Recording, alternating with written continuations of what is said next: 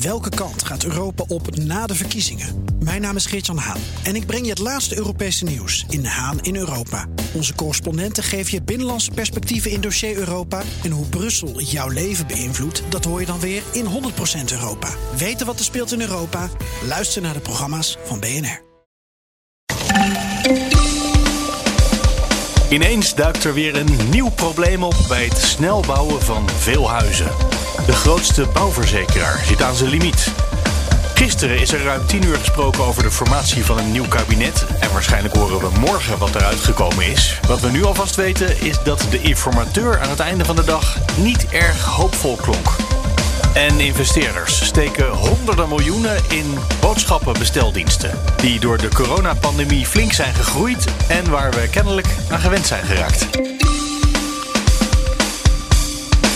Dit is Nieuwsroom, de dagelijkse podcast van het Financiële Dagblad en BNR Nieuwsradio. Met het nieuws verteld door de journalisten zelf.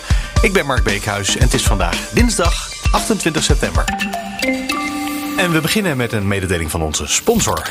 Die gaat over hybride werken. Dus dat je deels thuis aan de slag gaat en deels naar kantoor komt. Veel bedrijven zijn er nu mee bezig en dat geldt ook voor bol.com en KPN. Ben je benieuwd naar hun ambities en hoe zij dat aanpakken? Luister dan naar de nieuwste aflevering van Digital Heroes. Je vindt die podcast in de BNR-app en op alle bekende podcastkanalen. Hallo, Nelke Trappenburg van het Financieel Dagblad. Hallo. Wij gaan het hebben over bouwen, bouwen, verzekeren. Ja, dat is weer een, een, een nieuwe hobbel. De woningbouw wordt geplaagd door allerlei uh, problemen. Eerst de stikstof, sowieso. En, en eerder dit jaar kwam al uh, aan het licht dat de grondstofprijzen zo hard gestegen zijn dat dat ook tot vertraging leidt. En nu blijkt ja, dat. Uh, nu dit weer. De grootste, ja, de grootste afbouwverzekeraar eigenlijk aan zijn limiet zit. En. en ja, zeker voor de groei die we willen, dus voor die nieuwe projecten, voor grotere projecten, dat ze dan gewoon af en toe moeten zeggen: nee, dat kan niet, dat kunnen we niet verzekeren. Want wat voor soort verzekeringen gaat het over? De, de, voor aannemers? Ja, het is de verzekering dat bouwers sluiten hem volgens mij af. En, en kopers zijn daarmee verzekerd dat als een bouwer failliet gaat, dat het project dan wel wordt afgebouwd. Ah ja, ja. En dan zegt een verzekeraar: Ik heb geen ruimte meer om jullie te verzekeren. Hoe, hoe zit dat? Want je zou denken: klanten zijn klanten. Ja, nou ja, we hebben, het gaat om woningborg en we hebben ze ook gebeld. En ja, zij hebben het dan over hun obligo, dus een soort van de verzekerde ruimte die ze hebben. En die is aan het begin van het jaar heel snel volgelopen, omdat er en meer nieuwbouwprojecten zijn. En ja, de aannemerskosten per woning ook gestegen zijn. Onder andere door die hogere grondstofprijzen, zeg maar. Dus daardoor loopt dat sneller vol.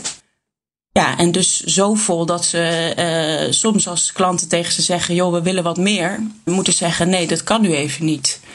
En dat betekent dan dat zo'n huis niet gebouwd kan worden. Tenminste, even niet in afwachting van het moment dat andere projecten klaar zijn, zodat het risico daar weer geweest is. Ja, precies. Het, het, het levert vooral vertraging op. Dat ze toch moeten wachten totdat er weer ruimte is. Die hadden we niet zien aankomen. En jij wel? Nee, Nee, ik had hem ook niet zien aankomen. Ik moet eerlijk zeggen dat ik even erin moest duiken. ik, ja, ik wist daar helemaal niet van dat dit ook speelde. En dat dit ook een vereiste was bij heel veel nieuwbouw. Bij de nationale hypotheekgarantiehuizen is dit sowieso echt een eis. Maar andere hypotheekverstrekkers stellen dit ook meestal als eis. Als dat certificaat er is, dan pas kan een hypotheek eh, langs de notaris zeg maar, eh, gepasseerd worden. En dan pas kan de bouw starten. Deze is natuurlijk een simpele oplossing voor andere bedrijven die ook deze verzekering gaan aanbieden. Het is een markt. Ja, er is een markt en er zijn er nog twee. In ieder geval die een bepaald keurmerk afgeven. Wat blijkbaar veel gevraagd wordt. Bouwgarant en SWK. Beide hebben ze gesproken, maar die zeiden nou, het is niet zo dat er nu ineens eh, allerlei uh, bedrijven aankloppen die bij woningborgen niet geen certificaten kunnen krijgen. Dus het, dat, uh, dat is nog niet enorm aan de hand. Dus blijkbaar wachten ze vooral dan tot er weer. Ze hebben ook een soort, volgens mij, een soort contracten dan met zo'n verzekeraar. Dus dan wachten ze tot er toch weer ruimte is. Maar anders moeten ze misschien ook een andere projecten over. Ik weet niet precies hoe dat werkt. Maar het is nog niet zo dat ze ineens helemaal overgaan allemaal naar die andere twee. Die overigens vooralsnog zeggen geen problemen te hebben. Dat is ook nog even iets waar ik je naar moet vragen. hoeveel van dit soort projecten liggen er inmiddels stil? Want als al die bedrijven, of al die projectontwikkelaars zitten te wachten op certificaten, gaat het om tientallen huizen, duizenden huizen? Ja, dat willen Woningborg niet zeggen. Okay. hoe vaak ze al nee hebben willen zeggen. We hebben zelf wel rondgebeld. En we hebben uh, bij verschillende bouwers wel gehoord dat ze bijvoorbeeld nog wachten op een certificaat. Sowieso wisten bijna alle bouwbedrijven die bij Woningborg zitten wel van de problemen. Ja, en dat verschilt natuurlijk per project. Soms kan een project gaan om, om tien huizen, maar soms kan het natuurlijk ook veel groter zijn. We begrijpen wel dat het vooral bij kleine bouwers zit. We hebben onder andere uh, een bouwer uh, gesproken die uh, een project in Doorn in Utrecht ja, aan het bouwen is. en die heeft al in, volgens mij, begin van, van het jaar certificaat aangevraagd. Normaal zou dat zo'n twee tot drie maanden duren. Hij heeft dan voor de zomer wel de technische goedkeuring gekregen en de juridische goedkeuring. Maar in augustus kregen ze te horen dat ze nog niet de financiële goedkeuring krijgen. En daar wachten ze dan nog steeds op. Is er een simpele oplossing voor? Ik zei net, dat is een markt. Maar de andere optie is natuurlijk altijd naar de overheid kijken. Is dat, zou die iets kunnen doen? Nou ja, dat hoopt Woningborg. Uh, die zijn nu in gesprek met onder andere Bouwen Nederland, een aantal bouwbedrijven en, en de Rijksoverheid, het ministerie van Binnenlandse Zaken. Um, en die hopen op kapitaalversterking. De, de woordvoerder zei, ja, ze zijn nu in gesprek. Dat kan bijvoorbeeld via een borg of een lening of een investering. Hmm. Dus um, daar hopen ze op. Klinkt ook meteen als staatssteun als je het zo beschrijft. Ja, dat, uh, is ingewikkeld in Europa. Dat dachten wij ook. Ja. Uh, dus dat moeten we nog even. ja, maar goed, we hebben natuurlijk wel uh, de, de, overheid die heel graag wil dat er, wat was het, een miljoen huizen bij komt, geloof ik. Dus ja. die hebben haast en denken in grote volume. Dus misschien dat ze wel een rol moeten gaan spelen dan. Ja, Bouwen Nederland vindt, vindt wel dat het gerechtvaardig is als het Rijk hier een rol zou gaan spelen. Juist omdat die dat doel hebben gesteld om inderdaad de komende jaren 1 miljoen huizen bij te bouwen dan heb je deze verzekeraar wel nodig. Nou, dan gaan we binnenkort naar Den Haag kijken hiervoor. Of heb jij dat al gedaan bij de voorbereiding van dit stuk? Ja, eh, ik moet ik heb Binnenlandse Zaken niet gebeld, maar een collega. Maar eh, die hebben tot nu toe eh, alleen maar gezegd dat, ze, dat ze inderdaad woningborg hebben gesproken. En dat ze aan het kijken zijn wat er aan de hand is.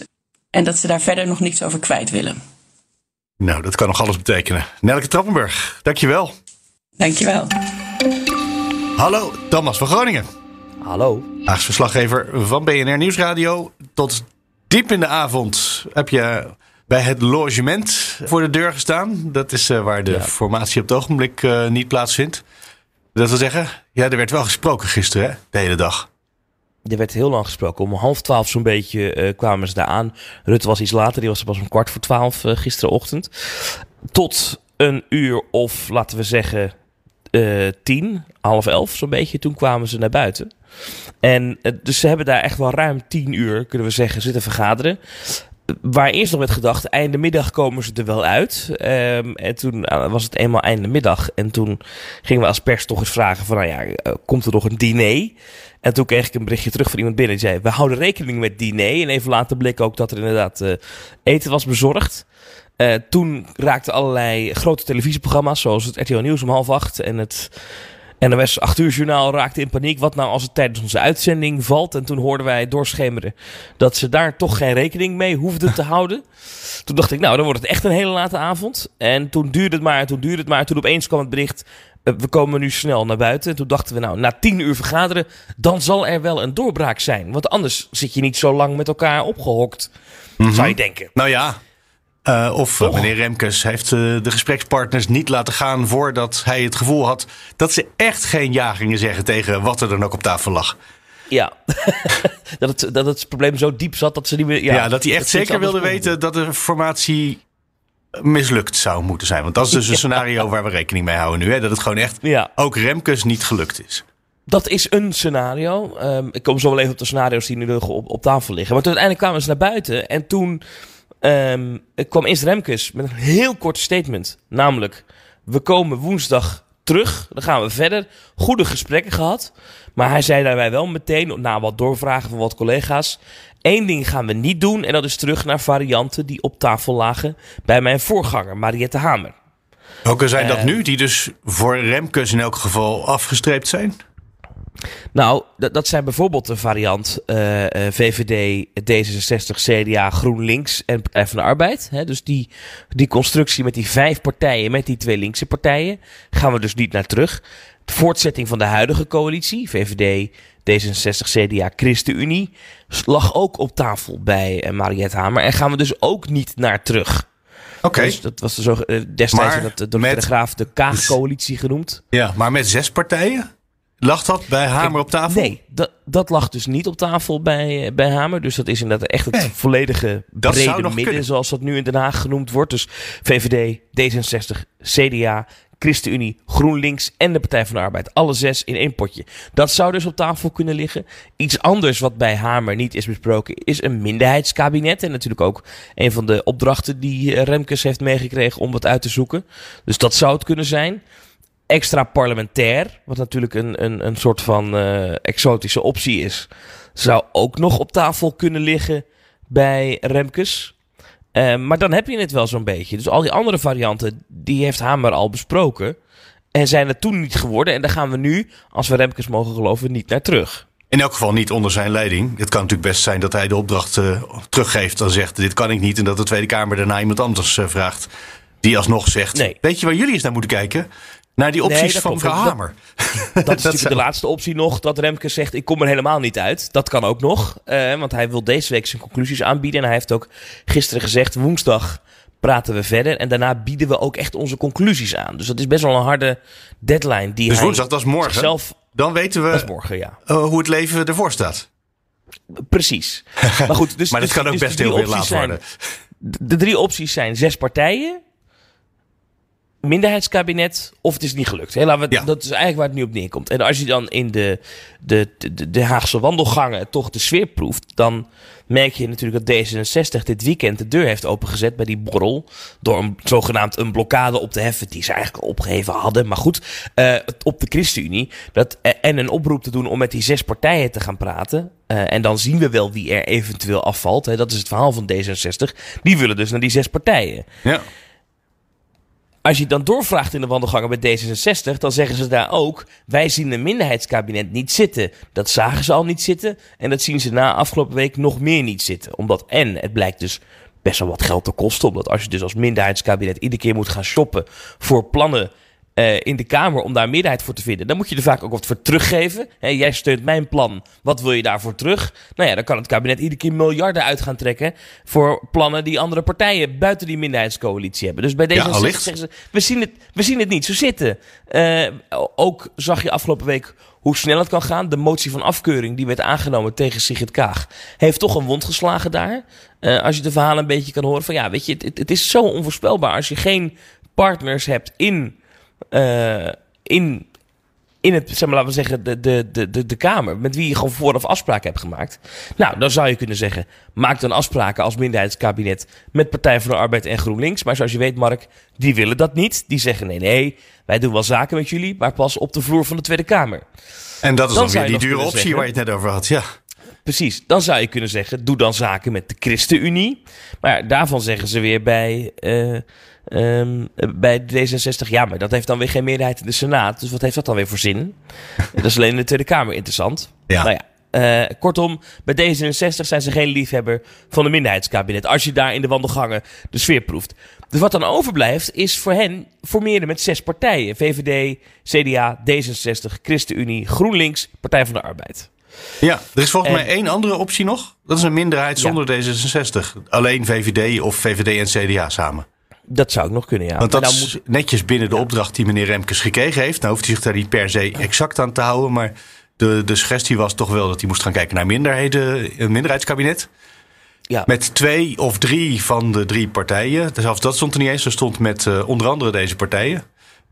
En dan kan het dus best zijn dat hij uh, uitkomt bij VVD-CDA. Ja, maar de opdracht van Remke stond dat hij de conclusies van Hamer moest volgen. En in die conclusie stond ook dat een minderheidskabinet alleen kan werken als er brede samenwerking gevonden wordt in de Tweede Kamer. Nou, uh, dan hebben we weer hetzelfde probleem als wat D66 heeft met een variant waar zij in zitten. Ja, ga dan maar eens partijen vinden die optellen tot de meerderheid. Het liefst ook nog eens een keer in zowel de Tweede Kamer als in de, de Eerste Kamer. Uh, nee, en als ook je niet. ja. dus dat is ook geen echte optie dan. Als mevrouw Hamer nog steeds uh, de, ja, de wet is. Als die conclusies gevolgd worden.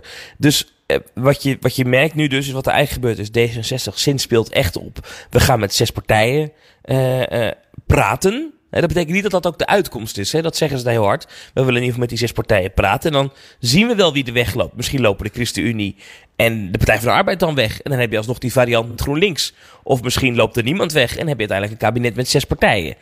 Um, of is dat kant... ook voorsorteren misschien wel op een, uh, nou ja, een extra parlementair kabinet? In de zin dat er misschien dan ChristenUnie-minister in de regering zit, maar dat de ChristenUnie zich niet gebonden voelt. En dat er uh, een PvdA of een GroenLinks-minister of staatssecretaris is, maar dat de fractie zich niet uh, verbindt aan het kabinet. Wie zal het zeggen? Wie zal het zeggen? Ja, dat is waar. Dat dit is, ja. In de categorie koffiedik was dit er ook eentje waar misschien op gehoopt wordt, is dat eh, van de linkse partijen ze niet allebei weglopen. Maar dat misschien, dus, wat ik net zei, er maar één wegloopt. En op die manier die partijen toch uit elkaar gespeeld zijn. Maar goed, nu hebben we het eigenlijk alleen maar over de wens van D66. Er zitten nog twee andere partijen aan tafel, VVD en CDA. En daar hoor je toch weer hele andere wensen uh, uh, achter de schermen, die toch dat minderheidskabinet meer zien zitten. Maar ja, dat lijkt D66 toch te blokkeren. Dus daar... daar uh, die, die, die discussie heeft blijkbaar gisteren tien uur geduurd. En die zal uh, morgen uh, op woensdag. Ja, wie zal het zeggen hoeveel uur dat nog gaat duren? En wat dan de uitkomst daarvan zal zijn? Wie geeft toe? En, en de spin die je nu wel merkt in Den Haag is dat D66 zegt: ja, maar wij hebben een stap gezet dit weekend. Aha. Wij staan ineens open voor samenwerking met de ChristenUnie. Terwijl dat hadden ze eigenlijk al eerder gezegd. Maar oké, okay, ze hebben dat nu nog een keer herhaald op een borrel. En dat wordt groot opgepakt door de media. Nou ja, ze hebben ook al een keertje iets anders ingeleverd. Want ze wilden heel graag met PvdA en GroenLinks. En dat gaat ook niet door. Dat is van tafel. Dat heeft uh, Remkes, uh, zeg je nee. net, uh, van tafel gelaten en gehouden. Dus ze hebben ook al een keer iets echt ingeleverd. Dus het, ik kan me wel voorstellen dat er meer gekeken wordt nu naar VVD en zeker het CDA. Omdat dat een kleine partij is inmiddels. wat zij dan gaan inleveren. Precies, hè, er wordt heel erg gekeken naar de andere kant van de tafel. Welke stap zetten zij? Want wij zetten iedere keer stappen en zij zijn nog geen millimeter bewogen sinds maart. Dat is een beetje het verhaal wat je aan die kant hoort. Uh, dus, ja, ja, dus hebben ze daar een goed antwoord op? Nou, dat is, dat is lastig wat zij zeggen. Eh, bij die andere partijen toch veel meer. De gesprekken voeren we binnen en we zeggen er niks over. Dat was ook echt. Rutte heeft echt, echt letterlijk niets gezegd toen hij naar buiten kwam uh, gisteravond. Dus we weten ook niet precies wat hun punt is, hè, we zien het bij Kaag, die gisteravond ook buiten aan de pers na die gesprekken nog eens een keer benadrukte. Wij hebben dit weekend een stap gezet. Hè, wij, hè. Ik heb kenbaar gemaakt blokkades die we opgegeven hebben afgelopen weekend. Uh, maar van andere partijen hoor je in ieder geval in de openheid niets daarover. Dus dat is ook voor ons koffiedik kijken. Um, en, en, en ja, dat wordt afwachten wat er morgen op tafel ligt. Uh, overigens, ik heb nog even goed terug zitten luisteren wat Remkes zei toen hij naar buiten kwam. Iemand, een journalist, vroeg hem... Wat heeft u dan tien uur daar binnen zitten doen? En er is nog steeds geen uitkomst. En toen zei hij, dat gevoel heb ik ook. En ik proef daar dan toch iets, Mark, van irritatie ook bij hem dat het toch maar niet blijft lukken. Dus wellicht dat hij ze morgen echt opsluit en zegt: eh, Ik slik de sleutel in en die komt er pas weer uit. Nee, dat heeft hij gisteren geprobeerd. Dat heeft niet gewerkt. Vandaag eh, heeft hij ze kennelijk dan, als je met deze zin, die ik niet gehoord had, maar dat is een nuttige zin deze. Vandaag heeft hij ze dan kennelijk naar hun fractie teruggestuurd. Het is ja. dinsdagochtend, dan is er altijd fractieoverleg van alle partijen. Want uh, dat is altijd voor het vraaguurtje. Met de opdracht, uh, nou jullie moeten het maar besluiten of je klaar bent. Ja. Nou, dan nou, weten ja, we dat. Is... Eigenlijk zijn we eruit, ja. Thomas. En, en dan geeft de opdracht terug. Wat, wat ik dan vermoed is dat dan toch die, die, uh, die, dat, dat, dat ze dan toch nog proberen bij de VVD en CDA-fractie voor elkaar te krijgen. Dat zij ermee instemmen om met die zes partijen te gaan praten. Waar dus ook GroenLinks en de Partij van de Arbeid in zitten. Ja. Um, ja, dat, wellicht dat dat nu dan bij die fractievergaderingen op tafel ligt. En dat we dat morgen dan zullen horen dat ze daaruit zijn. Of niet. niet. Maar jij weet net zoveel als ik, Mark. Nou, ik heb je net een hele serieuze hint voorgegeven. Als Remkes zegt, uh, ik ben geïrriteerd en uh, ik heb niet het idee dat we eruit zijn gekomen. Dan denk ik dat we er niet uit zijn gekomen. En we is uh, zijn natuurlijk. Maar, maar hij heeft nog een dag. Hij, hij heeft nog een dag. Wie weet wat er morgen gebeurt. Nou, dan uh, gaan we het daar morgen of overmorgen weer over hebben. Dan zit je weer zo'n hele dag op zo'n enorm uh, winderig en koud plein. Want het wordt langzaamaan herfst, hè? Het wordt langzaamaan koud, maar er is dus een. een, een, voorheen stonden we altijd op het Binnenhof in een persvak. Op het Binnenhof is niks, behalve een ijsverkoper die af en toe langskomt. ja. En nu hebben we een persvak recht naast een verwarmd terras met koffie en pizza's. Dus okay. uh, je hoort mij niet klagen. Je hoort mij niet klagen. Dan uh, kom ik daar ook weer eens heen. Thomas, dankjewel. Heel goed. Joe. Nee, maar dit is wel, uh, dit is wel een goed punt hoor. Ik, moet, moeten we het, wil je zo gewoon al beginnen? Want ik denk dat dit bijvoorbeeld wel een leuk ding is om mee te beginnen. Het is eigenlijk een trend die er al was en die door corona heel erg versneld is. Uh, ja, dat is dus, kunnen. Ja. doordat jij niet meer op de redactie zat, maar elke dag thuis, kon je bijvoorbeeld gemakkelijker denken: Nou, weet je wat, ik laat het gewoon bezorgen, want ik ben er toch. Of je denkt: Ik ontwijk die winkel even, want God weet wat voor, wat voor virushaard uh, dat is geworden. Nou, die supermarkt van mij wel. Ja, precies. Laten we begonnen zijn en zeggen hallo Jan Braaksma. Hey Mark. We gaan het hebben over thuisbezorgen van boodschappen. Het zat ja. een beetje in de zinnen hiervoor. Um, waar investeerders echt heel veel geld ineens in stoppen. Echt, uh, mag ik zeggen, belachelijk veel? Ja hoor, mag best. Want uh, ze maken extreem veel verlies, dus er gaan ook heel veel mensen heel veel geld verliezen. Uh, ja, voorlopig zijn ze heel veel geld aan het verliezen, inderdaad. Uh, dus, en, dat is toch mijn idee. Ja, ja maar, maar goed, het, ik, ik denk altijd, als je ergens een paar honderd miljoen insteekt, dan moet je wel geloven dat dat verlies ooit een keer gaat keren. Want niemand, niemand is erop uit om zijn geld in de fik te steken. Nee, maar je kan natuurlijk wel denken, dit paard is het paard. Terwijl je toch op het verkeerde paard wet. Want er zijn een paar van dit soort bedrijven die nu allemaal ineens naast elkaar Zeker. zitten. En ook met verschillende soorten. Je hebt echt de, de, bezorger, de, de boodschappendiensten en de flitsbezorgers, wat alweer twee categorieën zijn. Precies. En je zou je geld maar per ongeluk in de flitsbezorgers gestopt hebben, die nooit winstgevend worden misschien. Of andersom, ik weet dat niet. Nee, dan moet je, moet je hopen dat er een concurrent is wil kopen bijvoorbeeld. Dat is altijd nog een, eh, een mooie exit. Zullen we eens even wat getallen noemen? Ik bedoel, getallen doen nooit zo goed in radio en podcast. Maar in dit geval zijn ze zo groot dat we ze wel kunnen afronden op een paar honderd miljoen. Mm Heb je ze paraat? Of moet ik ze, van, moet ik ze uit je artikeltje voorlezen? nou, Picnic heeft uh, twee weken terug uh, eh, 600 miljoen opgehaald. En die, dat is een Nederlands bedrijf en een, een van de eerste in Europa die dat, die dat redelijk groot aanpakte. Crisp is wat, is wat kleiner en een andere niche. Die hebben 30 miljoen opgehaald in dit jaar. Gorilla's, een van die flitsbezorgers, die dus binnen een minuut of tien of een kwartiertje wat, uh, wat boodschappen voor je deur uh, brengen. Die uh, hebben 800 miljoen opgehaald. Dus ah, de, teller staat wel, wel boven de 5 miljard inmiddels voor, voor dit, deze sectoren dit jaar. ja, en, en dat voor een, een sector waar een jaar of vijf, of misschien nog wel korter geleden, eigenlijk iedereen van dacht, nou, hoe dat ooit van de grond moet komen, dat moeten we maar zien. Nou, dat blijkt toch heel snel te kunnen gaan. Ja, en ondertussen hebben we natuurlijk ook nog gewoon de ouderwetse Albert Heijn en de Jumbo die komen brengen. Precies. Als je wil. Uh, Dus die zijn er ook nog gewoon. En daarvan had ik altijd het idee dat die winkels het meer deden omdat ze vonden dat het moest, dan dat ze dachten dat ze er geld mee gingen verdienen. Dat klopt, ze verdienen er ook geen geld mee. En um, uh, sterker nog, ze verliezen geld op de boodschappen die ze bij jou thuis bezorgen. Nou, dat is natuurlijk niet zo heel erg aantrekkelijk als jij uh, ook een winkel hebt waar je wel gewoon geld verdient. Want dan cannibaliseer je eigenlijk, hè, je, je zet goede omzet, verschuif je naar slechte omzet. Ja. Nou, dat, dat is niet heel erg aantrekkelijk. En dat verklaart misschien ook wel waarom supermarkten tot voor kort hier niet zo heel erg happig op waren. En in dat gat zijn eigenlijk uh, die nieuwe partijen gesprongen. Dus Picnic, Crisp, Okedo in, uh, in het Verenigd Koninkrijk. Maar er zijn nog een paar. En die flitsbezorgers ook. Die uh, zijn in, in dat gat gesprongen wat de supermarkten hebben laten vallen. Omdat ze toch ook wel een beetje dachten, ja, is dit nou wel heel erg uh, business-wise uh, om dit te doen? Nou. En die vraag die blijft dan toch nog steeds. Je hebt een supermarkt waar je goede winst in maakt en die kan je omzetten in een bezorgdienst die verlies geeft.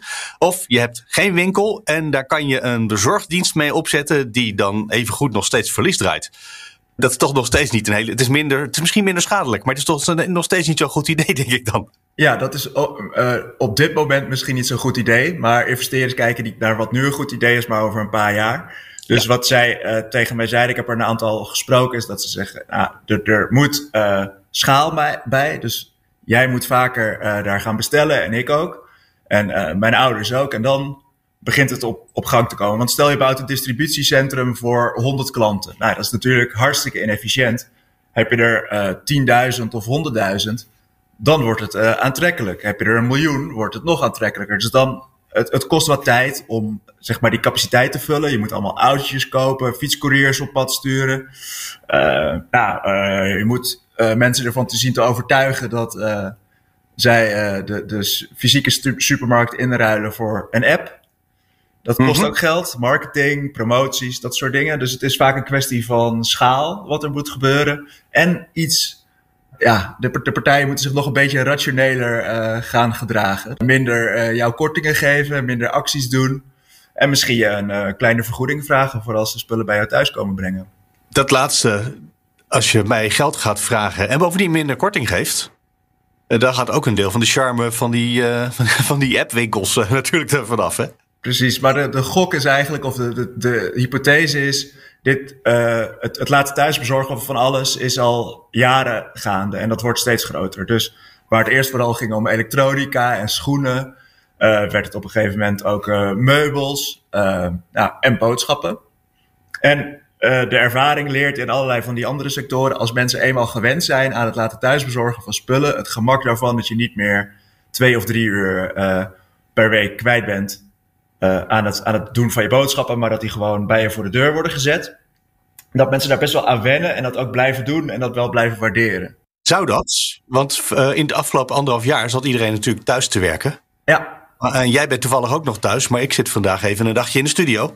Mm -hmm. Misschien dat er op het ogenblik wel even geen boodschappen bezorgd kunnen worden bij mij thuis nu. Precies, nee, maar dat, dat, dat, dat kan. Maar als je het over het grotere geheel kijkt, hè, dus, dus de, uh, uh, ja, de hele Nederlandse bevolking of, of heel Europa, uh, leert dat dat best wel sticky is. Al is er wel een, een dipje geweest. Dus toen iedereen echt thuis zat tijdens de coronapandemie en, en een aantal andere winkels ook nog dicht waren, was het percentage mensen dat online boodschappen deed hoger dan nu. Maar alsnog is het nu zo, nog steeds heel veel erg hoger dan voor de pandemie. Dus er was precies een soort corona-effect en dat lijkt te bestendigen. Precies, en dat heeft eigenlijk de trends die er al waren. Dus mensen zijn op zoek naar gemak, mensen willen weten waar een eten vandaan komt. Uh, ja, gewoon überhaupt de opkomst van online in allerlei terreinen heeft dat versneld. En uh, Goldman Sachs, die, die Amerikaanse zakenbank, die heeft becijferd van ja, de groei die je normaal in vijf of tien jaar hebt gehad in de sector, heb je nu in deze sector gezien tijdens de coronapandemie. Dus in een jaar tijd ongeveer nou, heb, je, heb je vijf à tien jaar de klok vooruit gezet. Dus dat zegt wel iets over hoe, uh, hoe razendsnel dat gegaan is. En, uh, ja, en, en dat zegt ook dus wel van waarom investeerders het nu heel erg aantrekkelijker vinden. Want het is een sector die eigenlijk veel groter en veel volwassener is geworden dan uh, het jaar of twee geleden. En waar die ook heeft laten zien dat die potentie die er altijd al aan, een beetje aan werd toegedicht, dat die ook, nou, in de, in de pandemie heb je gezien dat dat ook daadwerkelijk uit kan komen. In deze wereld van eh, apps en eh, alle digitale zaken is altijd uh, de grootste, die blijkt ineens ook de enige te zijn na verloop van tijd. Of er zitten nog wat niches in, in, daarbij, maar die worden dan het eentje waar het over gaat en de rest telt eigenlijk niet mee. Mm -hmm. Gaat dat hier ook zo spelen? Of zou je dit misschien toch, zou het hier misschien toch ook gewoon de regio's, zoals je bij de supermarkt hebt, dat een Deen zit dan ergens in een bepaalde richting. Ik geloof dat de Deen inmiddels niet meer bestaat. Maar eh, dat je, dat je per, per deel van het land verschillende ketens hebt die daar relatief sterk zijn. Ja, de, de mensen die ik hierover gesproken heb, die, die verwachten eigenlijk dat je het bij online supermarkten hetzelfde krijgt als bij de gewone supermarkten.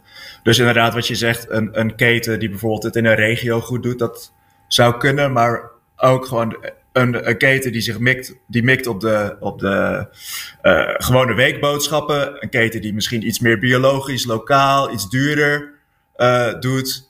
Uh, iets voor je snelle boodschappen. Dus zo zou je daar een aantal spelers naast elkaar kunnen krijgen. Ja, net als je in, in de gewone supermarkt de Albert Heijn, de Jumbo hebt, maar ook de Aldi en de Markt. En de to go voor als je alleen maar eventjes een, een sandwich wil hebben. Precies, dus, zo moet je dat eigenlijk zien. En dat de investeerders die ik hierover gesproken heb, die verwachten ook dat dat online gaat gebeuren. Dus dat je niet het winner takes all hebt, zoals je dat bij de Googles en de Facebooks hebt. Maar dat je toch een aantal spelers naast elkaar kan hebben die daar uh, prima boterhammen mee kunnen verdienen. Ondanks dat dat nu misschien af en toe uh, nog ver weg lijkt. Ja, en ondanks die exotisch grote getallen, de bedragen die op het ogenblik geïnvesteerd worden met uh, 50% verlies soms wel. Precies, ja, dat is die, die flitsbezorgers. Uh, voor, dat is ook een fascinerend statistiekje. Voor elke euro omzet die zij draaien, maken ze tussen de 30 en de 50 cent verlies. Nou, daar, daar is wel duidelijk van, dit is een, een, fase waar je heel veel geld verbrandt en dat moet je niet, kun je niet al te lang volhouden. Dat is wat uh, Uber deed, Ja, precies. En je zag al een aantal overnames uh, binnen die sector en partijen die toch wat samengaan. Ja, hebben ze wat marktaandeel veroverd. Kunnen de oprichters en de vroege investeerders misschien hun belang goed verkopen. En dan zie je al dat, het, dat ze een beetje rationeler worden. Dus eigenlijk is dit een soort. Die flitsbezorgers is een soort snelkookpan van wat je bij uh, veel andere sectoren in een aantal jaren hebt gezien. Heb je dat bij die flitsbezorgers? Zie je dat nu misschien een jaar of twee al, uh, al gebeuren. Ik heb het nog nooit overwogen om uh, iemand over een kwartier bij mij langs te laten fietsen. Ik weet niet of dat in mijn wijk bestaat. Want dat is natuurlijk ook nog. Hè, er is al een soort regionale spreiding. Je moet in een goede woonwijk wonen. Anders ja. dan is het er niet eens. Ja, ze zitten nog niet overal, maar uh, als je, oh ja, kijk, ik ben natuurlijk, uh, uh, ik kijk er met een beetje beroepsdeformatie naar af en toe. Dan kijk ik even van, zij zal bij mij. Nou, inmiddels zijn er een aantal bij mij in de buurt. Dus je ziet ze over de stad uitbreiden. En je ziet ze, dit, zal wel vooral inderdaad voorlopig een groot stedelijk ding blijven. Maar binnen die steden zie je ze uitbreiden. En vergeet niet, aan het begin van het jaar hadden wij nog geen flauw idee wat dit soort partijen waren. En nu een maand of negen verder, uh, ja, zie je zo overal iets heel vanzelfsprekend is. Ja, precies. precies. Dus uh, dan kun je nagaan hoe snel dat gegaan is. Het is eigenlijk idioot dat zo'n soort sector in no time uit de grond is gestampt. En, en bedrijven die een paar jaar geleden nog niet eens bestonden, halen honderden miljoenen op. Of, of die misschien vorig jaar nog niet eens bestonden, halen, halen tientallen miljoenen op. Dus nou ja, het, het, het, is wel logisch dat het een soort, uh, dat, dat daar hard gestreden wordt. Ja, het is interessant om dat te blijven volgen en te zien hoe die partijen inderdaad gaan ze iets anders doen dan ze nu doen Ga ze een keer geld verdienen. En zo ja, wie gaan dat dan doen? Jan Braaksma, die vraag laten we mooi boven de markt hangen. Dankjewel. Ja, is graag gedaan. En zo komen we aan het einde. Je kan altijd mailen als je wil reageren. Mail naar nieuwsroom.fd.nl of nieuwsroom.bnr.nl. En de show notes met daarin de links naar de artikelen bij BNR en bij het Financieel Dagblad. Die vind je op bnr.nl slash nieuwsroom. Tot morgen.